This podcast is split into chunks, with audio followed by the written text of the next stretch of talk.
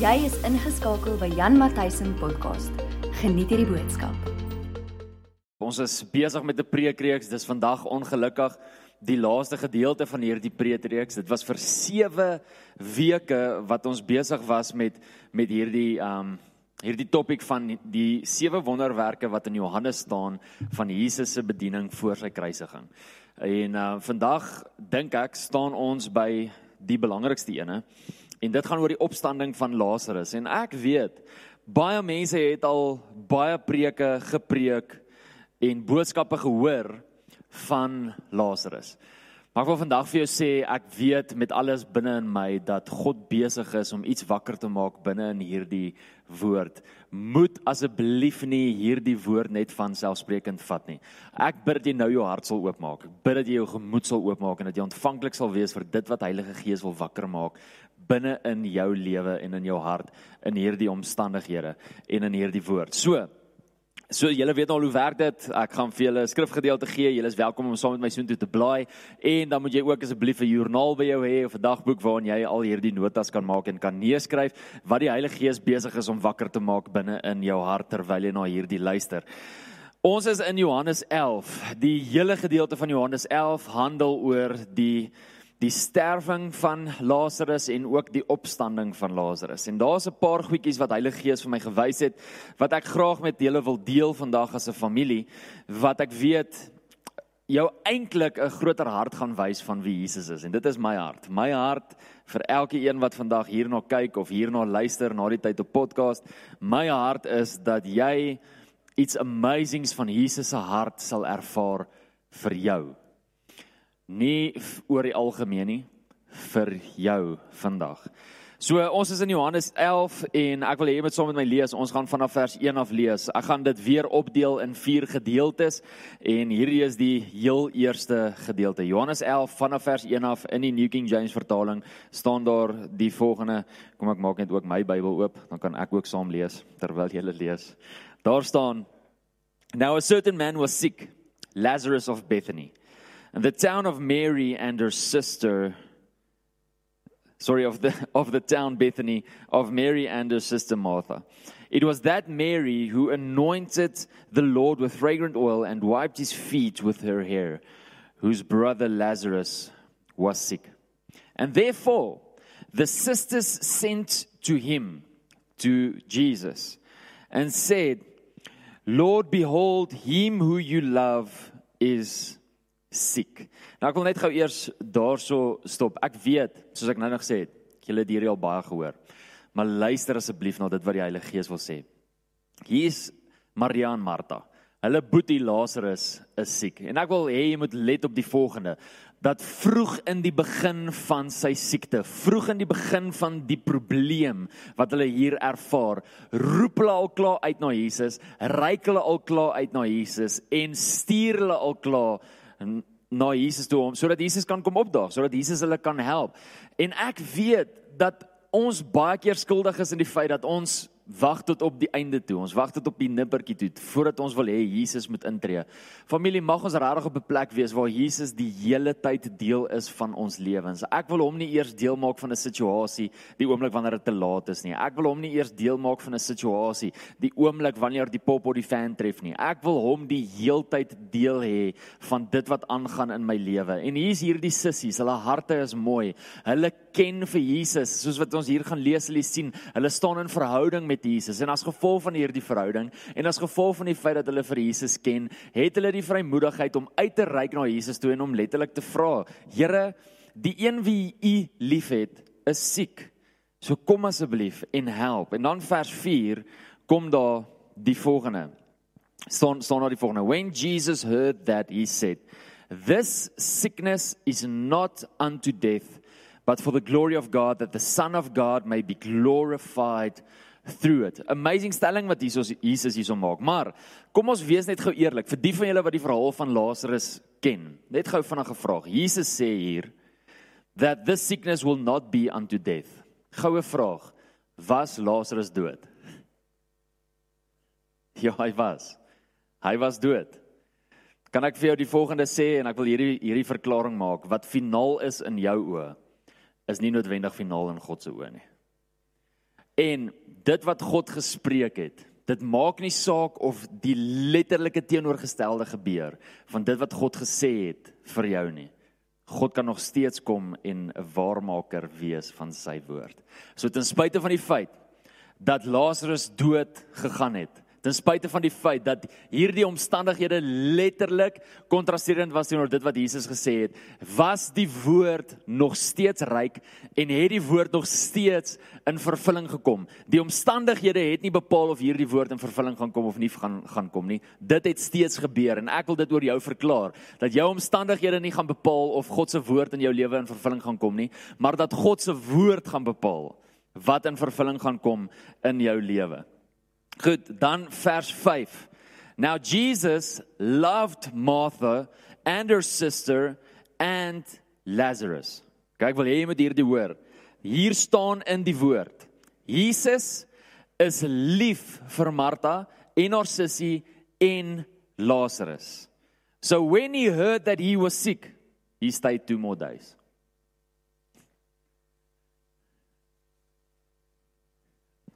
By watse kamera is ek? Zoom gou nader. Heeltemal in.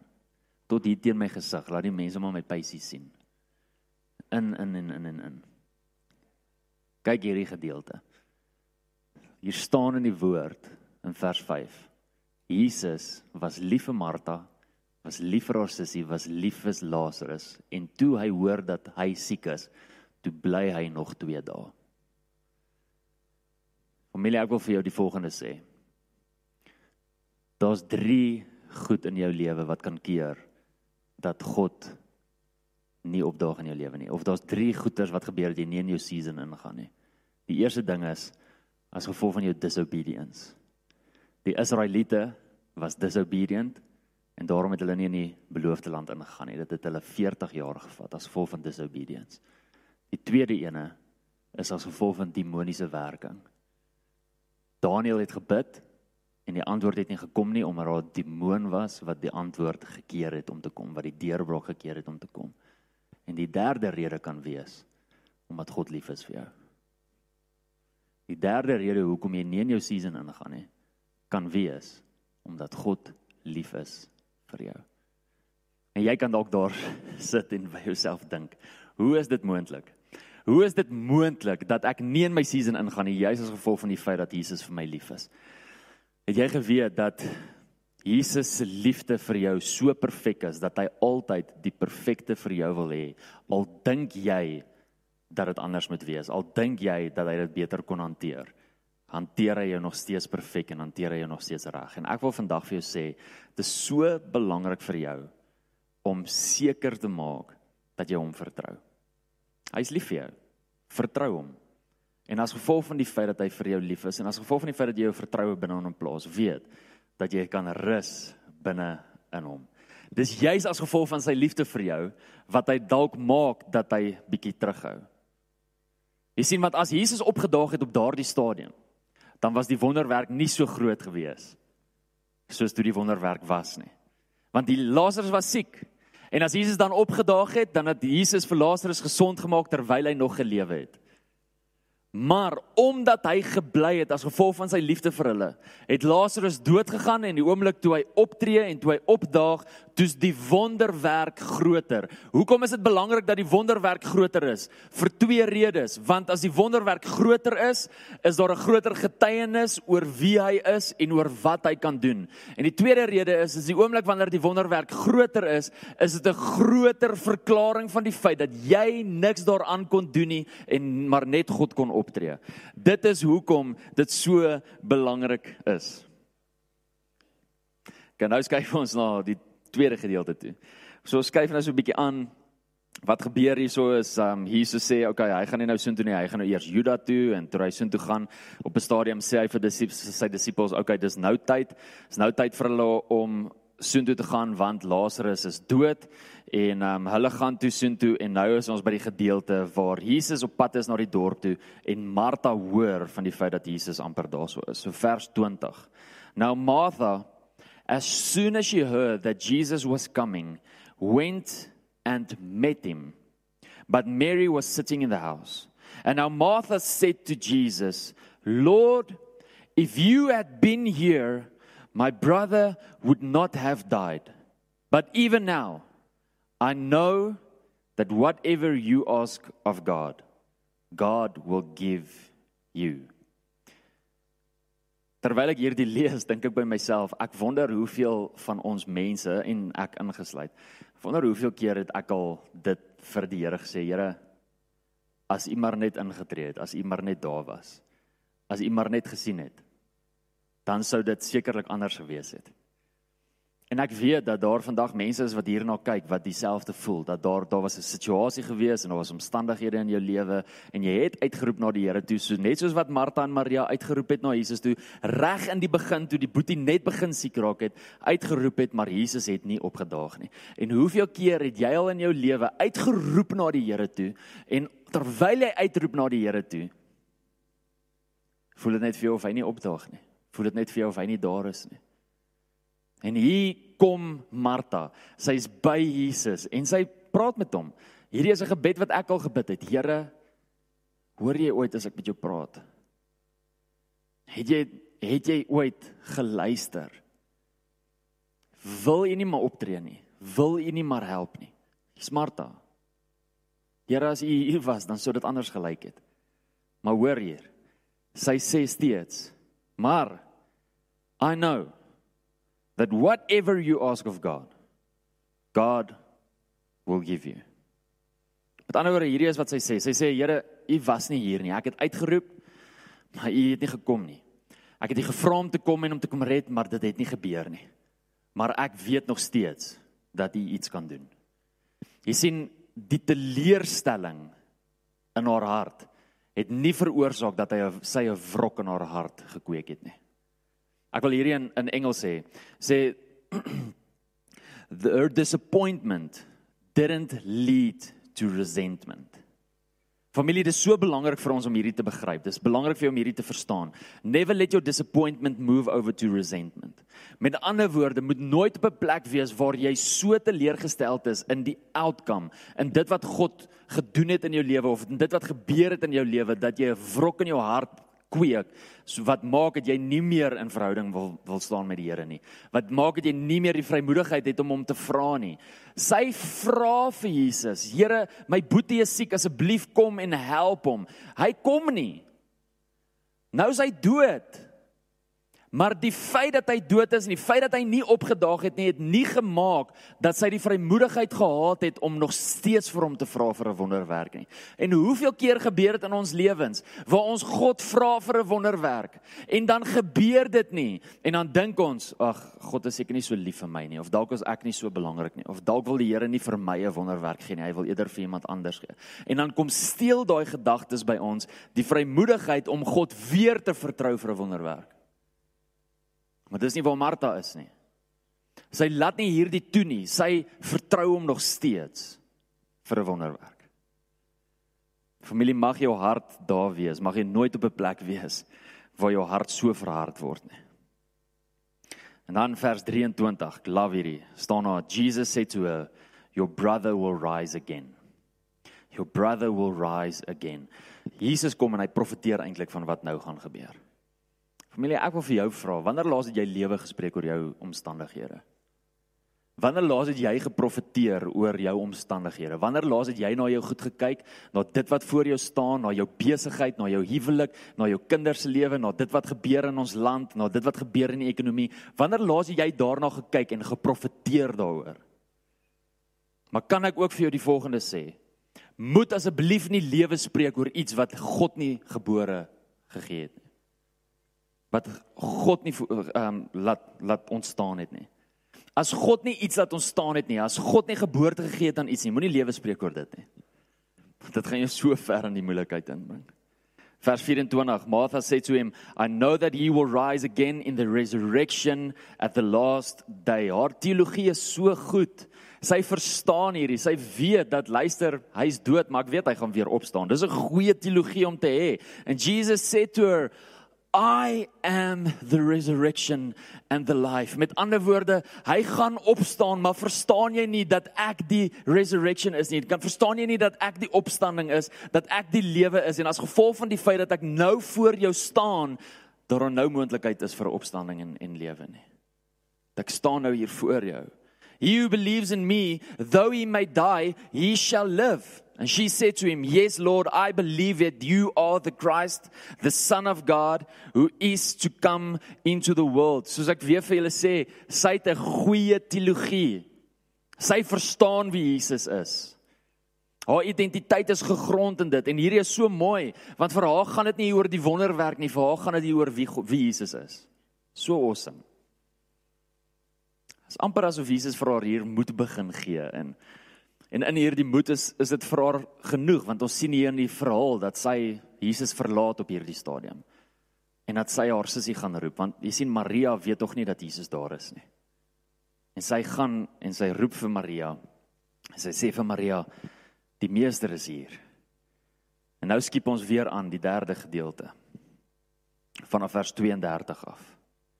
Then Mary when Mary came where Jesus was and saw him, she fell down at his feet. When she saw him, she fell down at his feet. Familie, ek word bewoe want ek was so bewus van die feit dat ons mense in die tye wat die omstandighede nou so moeilik is, so gefokus is op die omstandighede dat hulle vergeet om Jesus te sien. Maar hier's Maria. Mien haar boetie is dood.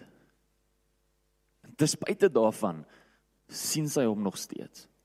En ek wil vandag vir jou vra en, en luister, sy wag nie vir Jesus om te kom na haar toe nie. Sy hardloop uit na Jesus toe en ek wil vandag vir jou vra, is jy nog steeds honger genoeg om agter Jesus aan te hardloop? So honger te wees vir hom sodat jy hom sal sien. Jou oë sal afval van hierdie omstandighede af en hom nog steeds sal sien dit is wat eintlik die belangrikste is. Die belangrikste is nie die deurbraak nie. Die belangrikste is hy. Belangrikste is, is dat ons hom sal sal sien. And when she saw him, she fell down at his feet saying to him, "Lord, if you had been here, my brother would not have died." Ek lag want dis 'n selfde mindset. Dis presies wat Martha nou net gesê het. Martha het presies hierdie nou net gesê. Het julle al agtergekom hoe daar baie keer in families dieselfde denkpatroon is? Aso aso in 'n familie hierdie spesifieke denkpatroon is en en mense wat hierdie spesifieke ding glo, dan is dit gewoonlik so dat die hele familie hierdie denkpatroon het. Want hier's Martha, Martha sê Here, as jy hier was, dan sou hy nie dood gegaan het nie. En nou kom Maria en wat sê Maria? Maria sê presies dieselfde. Here, as jy hier was, dan sou hy nie dood gegaan het nie. Dit dit wys vir ons 'n baie belangrike beginsel en die beginsel is die volgende: dat dit so belangrik is vir ons om seker te maak dat in ons families ons dieselfde praat en seker maak ons teologie is reg. Ons teologie is reg. Ek wil nie ek wil nie op 'n manier praat en my vrou op 'n ander manier praat oor Jesus nie. Ek ek wil nie 'n 'n denkpatroon en 'n expectancy hê van hoe God gaan opdaag, maar my vrou dink anders nie. Ons wil saam praat. Ons wil dieselfde denkpatroon hê. Vers 23, 20, ekskuus 33 sê therefore when Jesus saw her weeping, met ander woorde hy sien hoe huil Maria. When Jesus saw her weeping and the Jews he came with her weeping he groaned in the spirit and was troubled. Familie, hierdie spreek so baie na my hart toe. Ek het in my in my voorbereiding het ek van hier af van vers 33 tot en met vers 36. Elke keer as ek dit gelees het, het ek so bewoog geword. He saw her weeping and he saw those who came with her weeping and he groaned in his spirit. Die woordjie ground daar is die is die Griekse woord embry maumai. En dit beteken letterlik om 'n 'n kwaad gevoel te hê. Om 'n righteous anger te hê. Dis wat dis wat dit beteken. Met ander woorde, Jesus is op 'n plek waar hy letterlik hy's kwaad vir die omstandighede want die duiwel het kom steel. Want dis die duiwel wat kom steel, slag en verwoes.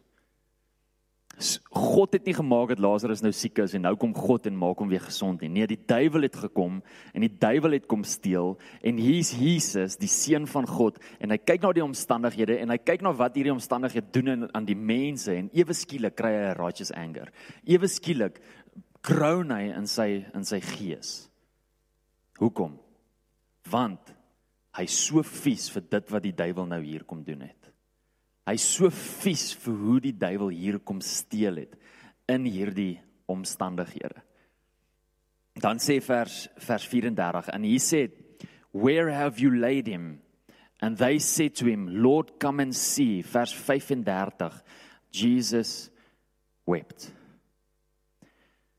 Familie ek wil vandag vir jou sê baie mense sê dat vers 35 is die kortste vers in die Bybel. En as 'n mens letterlik daarna kyk, is dit so dat Johannes 11 vers 35 Jesus wept is die kortste vers in die Bybel. Maar vir vandag vir jou sê, eintlik is hierdie die langste vers in die Bybel. Hoekom sê ek so? Want die oomblik wanneer jy begin mediteer op Johannes 11 vers 35 en jy mediteer op hierdie twee woorde, Jesus wept kom jy baie meer agter oor Jesus se hart as oor baie van die ander skrifgedeeltes in die Bybel. Jy sien ewe skielik sien ons hier dat Jesus 'n medelee het met hierdie mense. Jesus het 'n compassion met hierdie mense. Jesus kyk na hulle omstandighede en dit opset hom. Jesus kyk na hulle omstandighede en sy hart word seer en hy word bewoe en hy kry 'n righteous anger. En die oomblik wanneer ek daar begin mediteer, dan kom ek agter dat as ek kyk na Jesus se hart en as ek kyk na my omstandighede, baie keer het ek die mindset gehad dat dat die Here ver is en dat die Here nie regtig omgee oor dit wat nou met my gebeur nie en dat die Here nie regtig betrokke is in hierdie proses nie.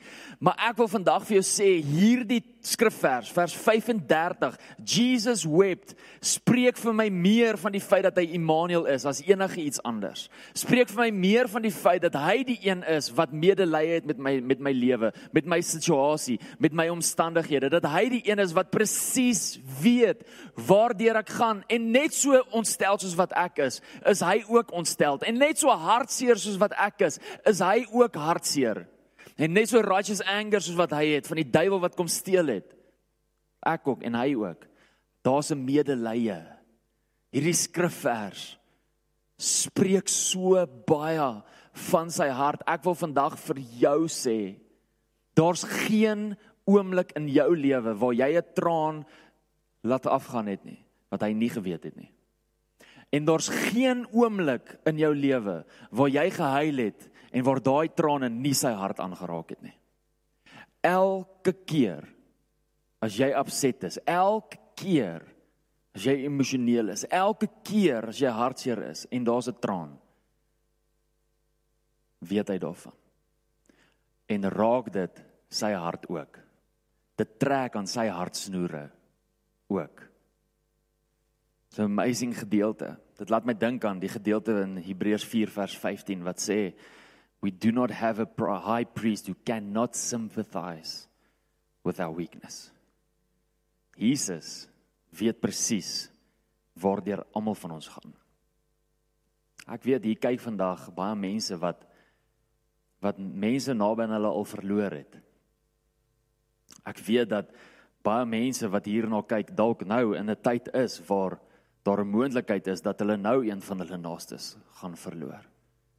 En ek wil vandag vir jou sê, die oomblik wanneer Jesus na jou hart kyk en die oomblik wanneer Jesus na jou omstandighede kyk, raak dit sy hart net so baie aan soos wat dit jou hart aanraak.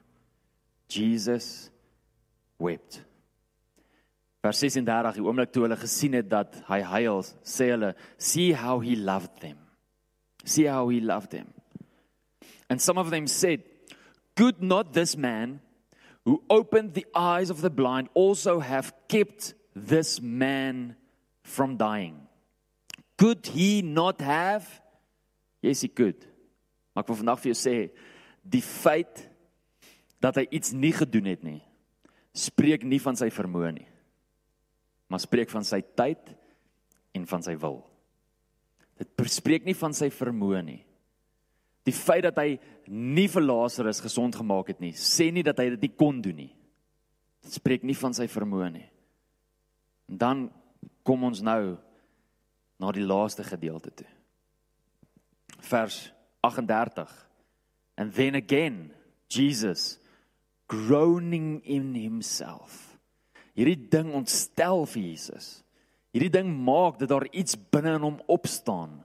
Dit is dis amper asof hy nou hy het nou genoeg gehad van hierdie situasie. Hy het nou genoeg gehad van hoe die duiwel hier kom steel. He's groaning inside of himself. He came to the tomb. It was a cave and a stone lay against it. And Jesus said, "Take away the stone." But Martha, the sister of him who was dead, said to him, Lord, by this time there is a stench, for he has been dead four days. Andrea, kan ek vir jou vra om vir my te kom speel asseblief? Familie, kan ek vir jou die volgende sê? Daar gebeur in ons lewens gebeur daar omstandighede. Soos die Engelse mense sê baie keer life happens. Daar's baie goeters wat gebeur wat buite ons hande is. Waar ons niks kan doen nie. Daar's baie goeters wat gebeur waar net God iets iets kan doen. En baie keer bevind ons onsself in omstandighede of in 'n situasie waar iets dood is.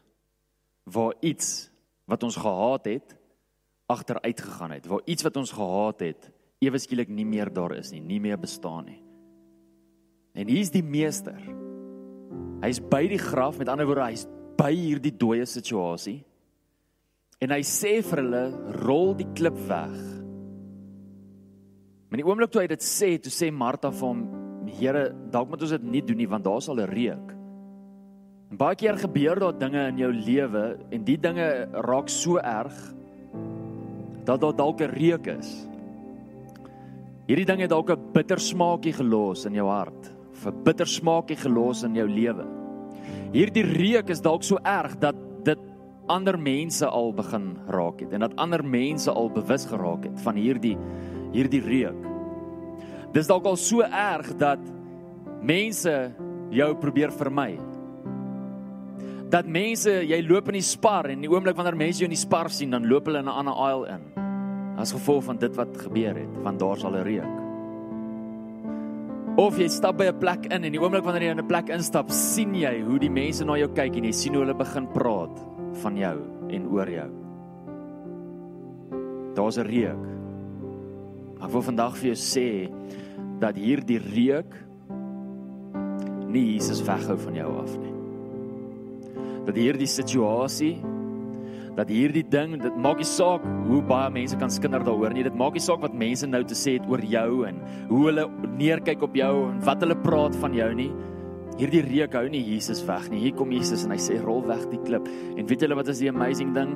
Hy vat hulle mindset weg van die reuk af en hy bring hulle na sy heerlikheid toe. Hoor gou hier. Hoor gou hier. Jesus said So sy sê there's a stench, maar in vers 40 staan dat then Jesus said to her. Hierdie is sy, hierdie is hoe hy reply teenoor hierdie reuk. Jesus said to her, "Did I not say to you that if you would believe, you would see the glory of God?"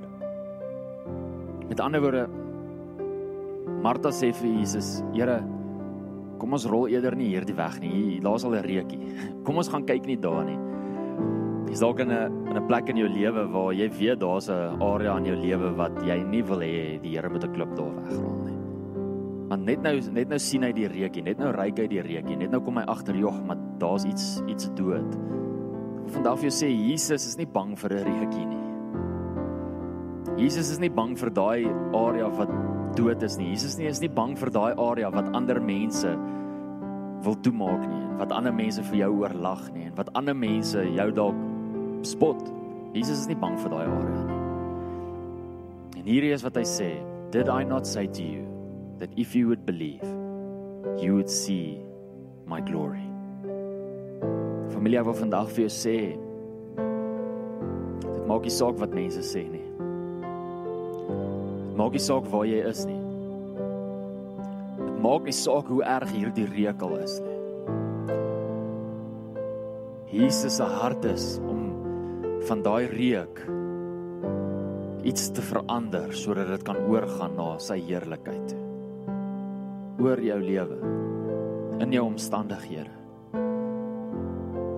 Dan gaan ons aan en sê then they took away the stone from the place where the dead man was lying. And Jesus lifted up his eyes and he said, "Father, I thank you that you heard me. And I know that you always hear me.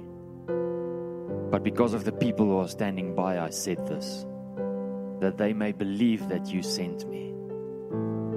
Jesus se volle autoriteit is gegrond in sy gebedslewe.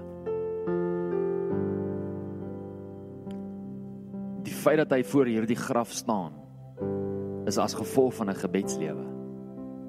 Die feit dat hy nou gaan doen wat hy doen, die feit dat hy nou gaan spreek wat hy nou gaan spreek, is as gevolg van sy gebedslewe en sy verhouding met die Vader. Vers 45. Sê nou by regte plek, nee, vers 43, skus. Now when he had said these things, he cried with a loud voice, Lazarus, come forth. Lazarus, come forth. And he who had died came out bound hand and foot with grave clothes, and his face was wrapped with a cloth. And Jesus said to him, Loose him and let him go. Kan nou hoor gou hierdie amazing gedeelte. Jesus breek die geestelike houvas oor Lazarus se lewe. Die oomblik toe hy vir Lazarus sê, kom uit staan op. Come forth. Die oomblik toe daai woord gespreek word, breek hy die geestelike houvas, dit wat hom geestelik oor hom was, dit wat hom siek gemaak het en gelei het na die dood toe, word gebreek deur 'n woord wat gespreek word. En die oomblik toe hy uitkom, sê hy vir die mense, "Oké, okay, nou daai goeters wat om hom vas, loose him." Maar hy sê, In die geestes het ek hom nou losgemaak, het ek hom nou gebreek. Nou moet julle in die fisies ook hom gaan losmaak. Gebeur baie keer in ons lewens waar ons ons is op 'n plek waar daad goed gebeur en dit stink. Maar Jesus kom en hy daag op met 'n woord en hy roep ons uit daai omstandighede uit sodat dit weer kan verander na sy heerlikheid toe en in daai tyd breek hy die geestelike houvas oor ons lewens Maar dan kom hy en hy verklaar vir die mense om ons ook. Maak hom nou los. En hierdie is tweevoudig. Familie, dis dalk nodig vir jou om iemand in jou lewe los te maak. Dis dalk nodig vir jou om iemand wat 'n hou vas het oor jou lewe los te maak. Of dis dalk nodig vir jou om iemand te begin vryspreek. Om op te hou neerpraat op iemand, om op te hou neerkyk op iemand, om op te hou die persoon se omstandighede sien die oomblik wanneer jy hom sien. Kom gee 'n voorbeeld baie keer wanneer ons kyk na Eva se lewe. Vandag as ons praat oor Eva, is 90% van die gelowiges altyd gerig op dit wat Eva verkeerd gedoen het. Eva was die een wat die vrug geëet het. Eva was die een wat vir Adam mislei het. Eva was 90% van mense is gefokus op dit wat Adam ag wat Eva verkeerd gedoen het. Weet jy dat die oomblik wanneer God na jou kyk, hy nie kyk na dit wat jy verkeerd gedoen het nie, maar dat hy kyk na wie jy is. Sy kind. Kan jy dink wat sou gebeur het as hy ooit op 'n plek was waar hy die heeltyd gekyk het na wat jy verkeerd doen? Maar Jesus kom hier en hy sê, "Lose him. Lose him." Hou op negatief praat van mense wat iets verkeerd gedoen het. Hou op negatief praat van mense se verlede. Lose them. Hulle staan nou op weer. Vir wie sê hierdie is profeties. Daar's 'n tyd in 'n gelowige se lewe waar jy in 'n graf moet ingaan. Ons noem dit die doop. Romeine 6 sê vir ons die oomblik wanneer ons saam met Christus begrawe is, staan ons weer saam met hom op. Die oomblik wanneer ons gedoop word, gaan ons ook in 'n graf in. En die oomblik wanneer ons daar uitkom, sê 2 Korintiërs 5 vers 17 vir ons dat ons is 'n nuwe skepsel. En dit beteken dat die dinge wat ons vasgehou het in die verlede nie meer die reg het om ons vas te hou nie. So profeties van ons geestelike lewens. Maar ek wil vandag vir jou sê dat hierdie dalk ook nodig is vir elke een van ons om profeties oor ons omstandighede te praat. Want hier's Jesus en hy staan voor 'n graf en hy het nou-nou al gesê dat Lazarus gaan opstaan. So hy het nou-nou al geprofeteer. En nou is hy hier voor die graf. En hierdie is wat hy doen. Hy spreek dit wat dood is aan en hy sê word lewendig. Lazarus, come forth. En dalk het jy nodig vandag. Dalk het jy nodig vandag om vir jou Lazarus te sê om op te staan. Dalk het jy nodig vandag om vir jou Lazarus te sê come forth. En ek weet nie wat jou Lazarus is nie, maar jy weet. Jy weet wat dit is. Dit kan 'n huwelik wees wat besig is om in die afgrond in te gaan. Dit kan 'n besigheid wees wat besig is om in liquidasie in te gaan of in om vers, verskriklik baie debt in te gaan. Dit kan 'n kind wees wat jy weet geroep is vir die koninkryk, maar hierdie kind is so ver van die Here af. Dit kan iemand wees in jou lewe wat jy weet nie die Here dien nie. Wat is die Lazarus in jou lewe vandag? En ek wil vandag vir jou sê, wil jy nie die autoriteit vat as 'n kind van God en vir daai Lazarus sê, kom voort staan op. Sien jy kan dalk ook wees soos Mar Maria en Martha en jy kon ook op 'n plek gewees waar jy gesê Here, maar as U net hierso was. Maar wat as Jesus nou daar is? Wat as hy nou voor jou deur staan? Wat as hy nou sê, "Oké, okay, vertrou my nou. Hier is ek nou." Wat as jy nou op 'n plek kan wees waar jy lewe kan spreek oor oor dit? Wat, al is hy al 4 jaar laat. Al is hy 4 dae laat. My ma het altyd toe ek net tot bekering gekom het. Die 18de Junie 2004 het ek tot bekering gekom. En in daai journey het ek baie gepraat met my ma. My ma het altyd vir my ding gesê. Sy het altyd gesê God is mighty slow but he's never late. En dit is iets wat nog altyd by my bly. He's never late. Al dink ek hy's laat, he's never late. Volgens my kan hy dalk laat wees, maar volgens hom is hy nooit laat nie. Sy tyd is altyd reg, sy tyd is altyd perfek. En hier is hy 4 dae laat volgens Martha en Maria, but he's not late. He's on time. En ek wil vandag vir jou sê, dis dalk nou die tyd waar jy vir daai Lazarus van jou sê, staan op in die naam van Jesus. So familie, ek wil ek gaan profeties bid. En dan gaan die Here vertrou oor jou lewe. Gaan die Here vertrou oor jou omstandighede. Maar ek wil jou vra, hierdie is nie my verantwoordelikheid nie. Hierdie is jou omstandighede. Hierdie is jou Lazarus. Staan jy op? Spreek jy 'n woord? Spreek jy iets? Spreek jy staan op? So Vader in die naam van Jesus, kom ons vandag En Here, ek wil profeties elke een van ons mense wat nou hierna kyk en hierna luister, ek wil hulle profeties voor u voete kom plaas vandag. En ek wil kom verklaar dat u die een is wat lewe spreek. U is die opstanding en die lewe. You are the resurrection and you are the life. En ek weet, Here, dat ons dalk eendag dood gaan gaan en by u gaan opstaan. Maar U is die een wat vandag lewe gee. U is die een wat vandag deurbraak bring. En ek bid nou vandag in die naam van Jesus vir elke persoon se Lazarus. En ons sê, come forth in the name of Jesus. Even if it's been 4 years, even if it's been 10 years, even if it's been 20 years. Here dit maak nie saak hoe lank die mense besig is om te wag nie. Dit maak nie saak hoe treurig hierdie wonderwerk of hierdie deurbraak is nie. Ons verklaar dat dit nou spoedig sal gebeur in die naam van Jesus. So ons verklaar Lazarus come forth in Jesus name. Ek spreek oor elke huwelik, Here. Come forth in the name of Jesus. Elke kind wat nie die Here dien nie, come forth in the name of Jesus. Elke persoon se finansies waar hulle nie deurbraak kry nie. Elke persoon se besighede, se besigheid, come forth in the name of Jesus. Elke persoon wat jy vertrou, Here, vir genesing in hulle liggame, come forth in the name of Jesus.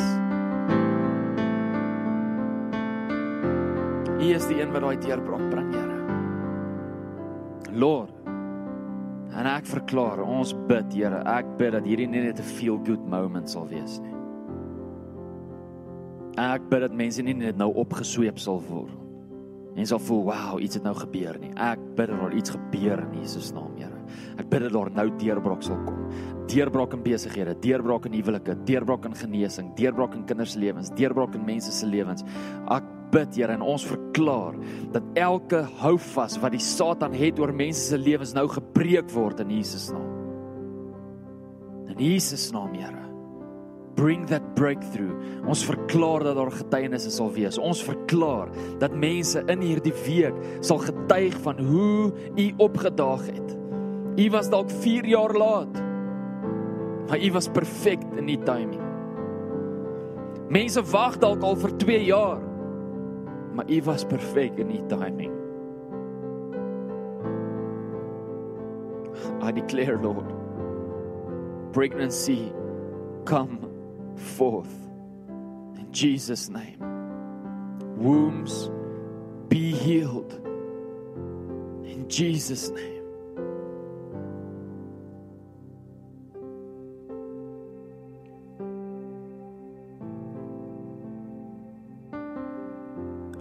Gees, dankie dat U teenwoordigheid nou in elke vertrek is. Hier is nie 'n ligsinnige oomblik nie, Here. Hier is mense wat U nodig het. Dis mense wat U vertrou. U is die God van die wonderwerke. God of the impossible. En ons eer U daarvoor. Amen. Dankie dat jy saam met ons geluister het. Onthou om te subscribe op hierdie podcast. Volg ook vir Jan op Facebook en YouTube. Tot 'n volgende keer. Die Here seën jou.